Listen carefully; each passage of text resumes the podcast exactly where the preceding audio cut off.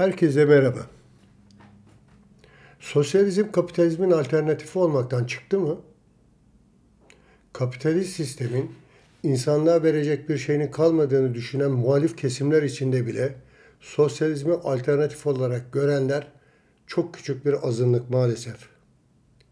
Bazılarında düşmanlık ölçüsüne varıyor bu uzaklık. Bunun bir dizi nedeni var kuşkusuz. 1989'da çöküşle noktalanan yozlaşmanın yarattığı hayal kırıklığı bunların başında geliyor. Sosyalizm denildiği zaman insanların aklına geçmişteki tarihsel başarılardan çok o çöküş tabloları ve ona öngören yıllarda tanık olunan olumsuzluklar geliyor.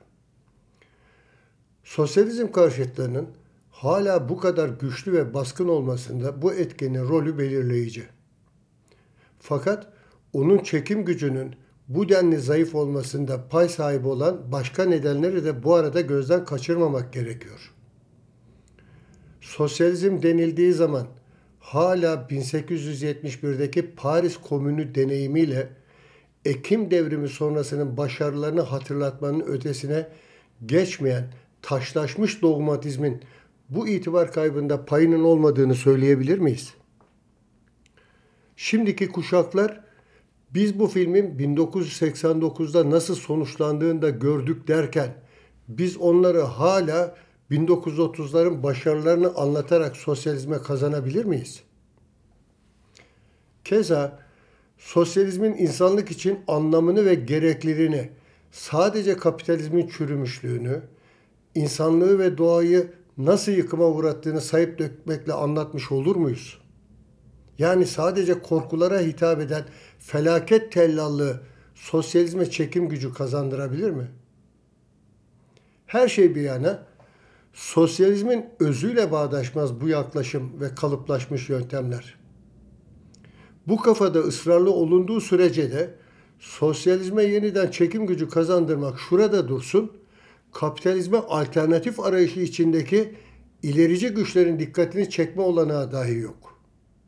Günümüzde sosyalizmin propagandası insanlığa nasıl bir gelecek vaat ettiğini, bunu hangi ilkeler temelinde nasıl gerçekleştireceğini anlatmayı esas almak zorunda.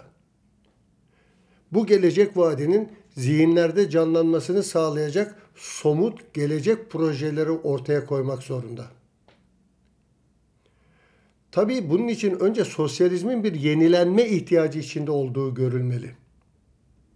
Gerçi yenilenme kavramı 1989 sonrasında Marksizmin devrimci özüne ve bilimsel sosyalizm düşüncesine sırt çevirerek liberalizme yelken açan eğilimler tarafından fazlasıyla kirletilmiş bir kavram. İnkarcılığın bir kılıfı. Fakat bunun devrimci alternatifi düşünce donması, belirli kalıp ve sloganları tekrarlamakla yetinen katılaşmış bir tutuculuk değildir. Bunun kendini tatminin ötesine geçen bir etkisi yok ve olamaz. Önemli olan yenilenme kavramının hangi amaçla, hangi bağlamda kullanıldığıdır. Nasıl bir yenilenme arayışı ve yönelimi içinde olunduğudur. Alın teri çizgisini takip eden komünistler olarak yıllardır bunların altını çizmeye çalışıyoruz. Proletarya ve ezilen insanlığın karşısına 21. yüzyılda nasıl bir sosyalizm anlayışıyla, nasıl bir parti ve öncülük anlayışıyla, nasıl bir devrim anlayışıyla çıkılması gerektiğine dair ısrarlı bir çaba ve arayış içindeyiz. Bu konularda yazıp çizdiklerimiz kolaylıkla ulaşılabilir durumda. Türkiye ve dünya solunda 50 yılı aşkındır tekrarlana gelen sosyalizm algısı ve propagandasıyla fazla bir yol alamayacağımız gerçeğinin artık görülmesi gerekiyor. Bu tespitten hareketle kastettiğimiz yenilenme sosyalizmin tarihsel amacını kendine re- rehber alarak bize göre üç ana ayak üzerinde yükselmek zorunda. Bunların başında sosyalizme bilimsel bir karakter kazandıran Marksizmin önderlerinin yani Marx ve Engels'in bu konudaki temel çözümleme ve tezleri geliyor. İkinci ayağı 20. yüzyıldaki sosyalizmi inşa pratiklerinden çıkarılması gereken ders ve sonuçlar oluşturuyor. Sac ayağının üçüncü ayağı ise insanlığın toplumsal üretici güçlerinde bilim ve teknolojideki gelişmelerin günümüzde ulaştığı düzeyin tarihsel amaçlarımıza daha hızlı ulaşabilmek açısından biz komünistlere sağladığı olanaklar oluşturmalı. 20. yüzyılın sosyalizmi inşa pratikleri eğrisiyle doğrusuyla bizimdir. O geçmiş komünistler olarak bizim geçmişimizdir. Fakat o tarihsel mirasa sahip çıkmak başka bir şeydir. Tutucu bir bağnazlıkla üzerine toz kondurmamakta ısrar bambaşka bir şey. O mirasa sahip çıkmak, ona saygı duymak, o deneyimin hataları ve yanlışlarının üzerinden atlamak, onlara bir kılıf bulma çabasına girmek anlamına gelmez.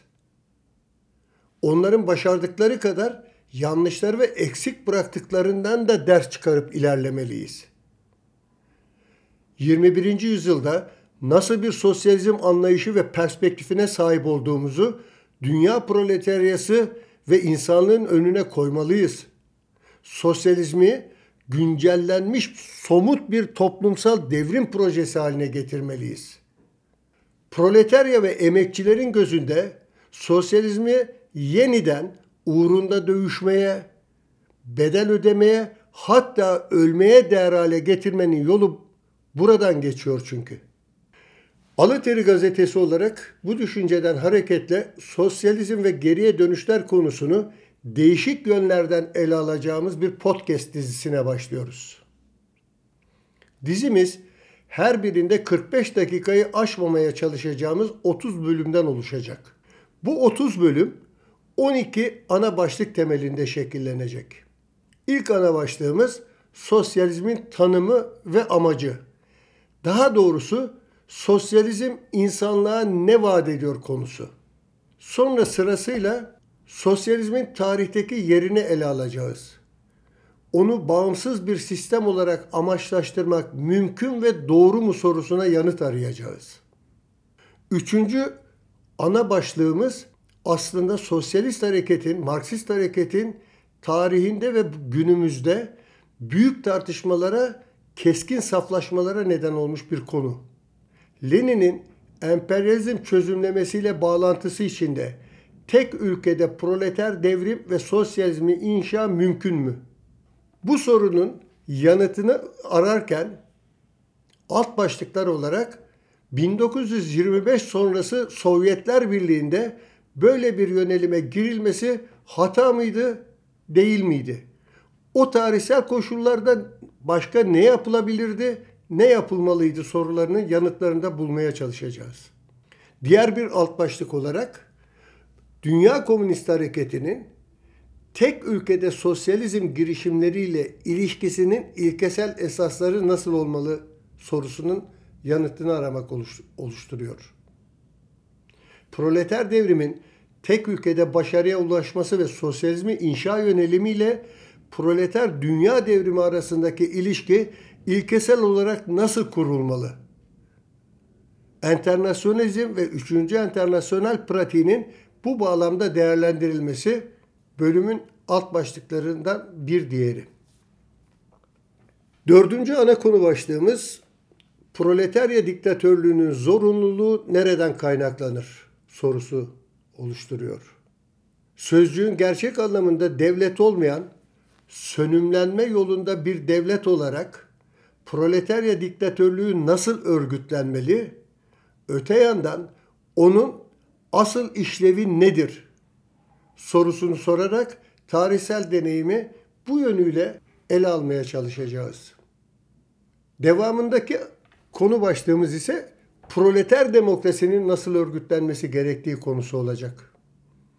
Temsile dayalı biçimler ile sınıfın ve emekçi kitlelerin karar süreçlerine doğrudan katılımı ilişkisi nasıl kurulmalı? İletişim teknolojisinin günümüzde ulaştığı düzey bu açıdan bize hangi olanakları sunuyor sorusunu yine sosyalizmin daha doğrusu onun üst aşamasını oluşturan komünizmin tarihsel amaçları ışığında irdelemeye çalışacağız. Altıncı ana başlığımız yine büyük tartışmaların ve büyük saflaşmaların, keskin saflaşmaların yaşandığı bir konu. Sosyalizmin inşasında partinin önderliği hangi sınırlar içinde nasıl anlaşılmalı? Tarihsel deneyimlerde gelişme hangi yönde oldu, neden öyle oldu? Örneğin bütün eski sosyalist ülkelerde geriye dönüş süreçlerinde parti kadroları, proletarya ve emekçi yığınlar neden bu kadar edilgen kaldılar? Farklı bir örnek olarak kitlelerin partiye karşı harekete geçirilmesine dayalı kültür devrimi bu konuda bir yol, model olabilir mi? Bu soruları da 6. bölüm başlığı altında ele alacağız. 7. ana başlığımız ise proletarya iktidarı koşullarında parti içi işlerlik hangi ilkesel esaslar temelinde nasıl kurulmalı konusu olacak. Sovyetler Birliği Komünist Partisi başta olmak üzere Arnavutluk Emek Partisi ve komünist diğer partilerde darbeleri mümkün kılan ortamlar nasıl doğdu? Öte yandan komünist bir partide halef tayini şeklinde bir mekanizma olabilir mi? Bunun ilk örneği, tarihteki ilk örneği olarak gösterilen Lenin'in vasiyeti olarak adlandırılan son mektup tartışmasını bu bağlamda yapacağız.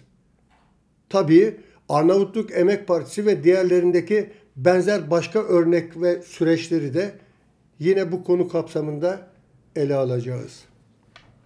Bilimsel sosyalizm öğretisinin temellerini atan Marx ve Engels mülksüzleştirenlerin mülksüzleştirilmesini yani üretim araçlarının toplumsallaştırılmasını komünist toplumun özü, özeti, daha doğrusu başlangıç noktası olarak tanımlarlar. Fakat üretim araçlarını toplumsallaştırmakla proletarya iktidarı altında bile olsa onları devletleştirmek bir ve aynı şeyler değil. Dolayısıyla üretim araçlarını devletleştirmenin ötesine nasıl geçebiliriz? Toplumsallaştırmanın günümüzdeki biçimleri neler olabilir? Bu bağlamda meta dolaşımı ve para kullanımını nasıl hızla sınırlayabilir ve ortadan kaldırabiliriz sorusunu bu başlık altında tartışacağız. Tabii ki hareket noktalarımızdan birini bilimsel sosyalizm öğretisinin bu konularda çizdiği, ortaya koyduğu temel esaslar oluştururken bir diğer ayağımızı basacağımız zemini de Owen ve diğer ütopik sosyalistlerin tarihsel koşulların henüz yeterince olgunlaşmadığı dönemlerde sergiledikleri yaratıcılık ve gelecek perspektifini günümüzde yeniden nasıl canlandırabiliriz sorusu oluşturacak. Dokuzuncu ana başlık konumuz yine çok tartışılan ve saflaşma konusu olan bir konu. Geriye dönüşleri hangi etken ve dinamiklere bağlayabiliriz, nasıl açıklamak gerekir? Çünkü bu konuda iki büyük kamp oluşmuş, uç oluşmuş durumda. Birileri bütün sürecin vebalini Stalin yoldaşa ve onun parti içinde kurduğu hegemonik diktatörlüğe bağlarken o dönemin devrimci bir sosyalizmin inşa edildiği devrimci bir dönem olarak sahiplenen bir diğer kutupta ise her şeyi getirip Stalin yoldaşın ölümünden sonra Kuruşçev'in darbesine bağlayan görüşler Marksist hareketin saflarında iki ana kutbu oluşturuyor. Tarih böyle açıklanabilir mi? Ya da tarihin bu şekilde birilerinin dönekliğine, ötekilerinin bürokratlaşmasına yani kişilere bağlayan bir tarih anlayışı materyalist tarih anlayışının neresinde nasıl sığdırılabilir?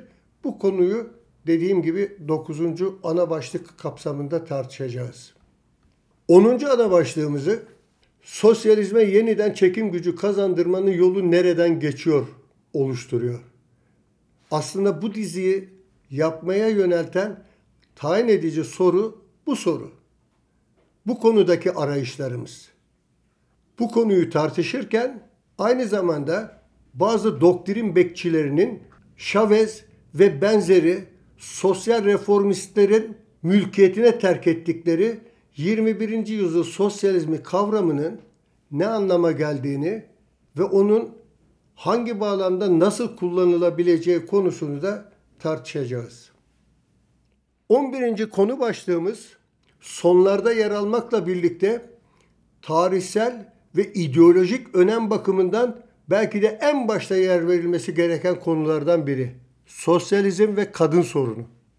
Bu sorunu kadın komünistler kendi aralarında tartışacaklar ve bu tartışma sırasında hem Marksist-Leninist teorinin konuya ilişkin teorik yaklaşımının esaslarını tekrar hatırlatacaklar hem de geçmiş sosyalizmi inşa pratikleri sırasında bu açıdan yapılan ve yapılamayanları, artılar ve eksileri değerlendirecekler. Oradan çıkardıkları sonuçları bizlerle paylaşacaklar.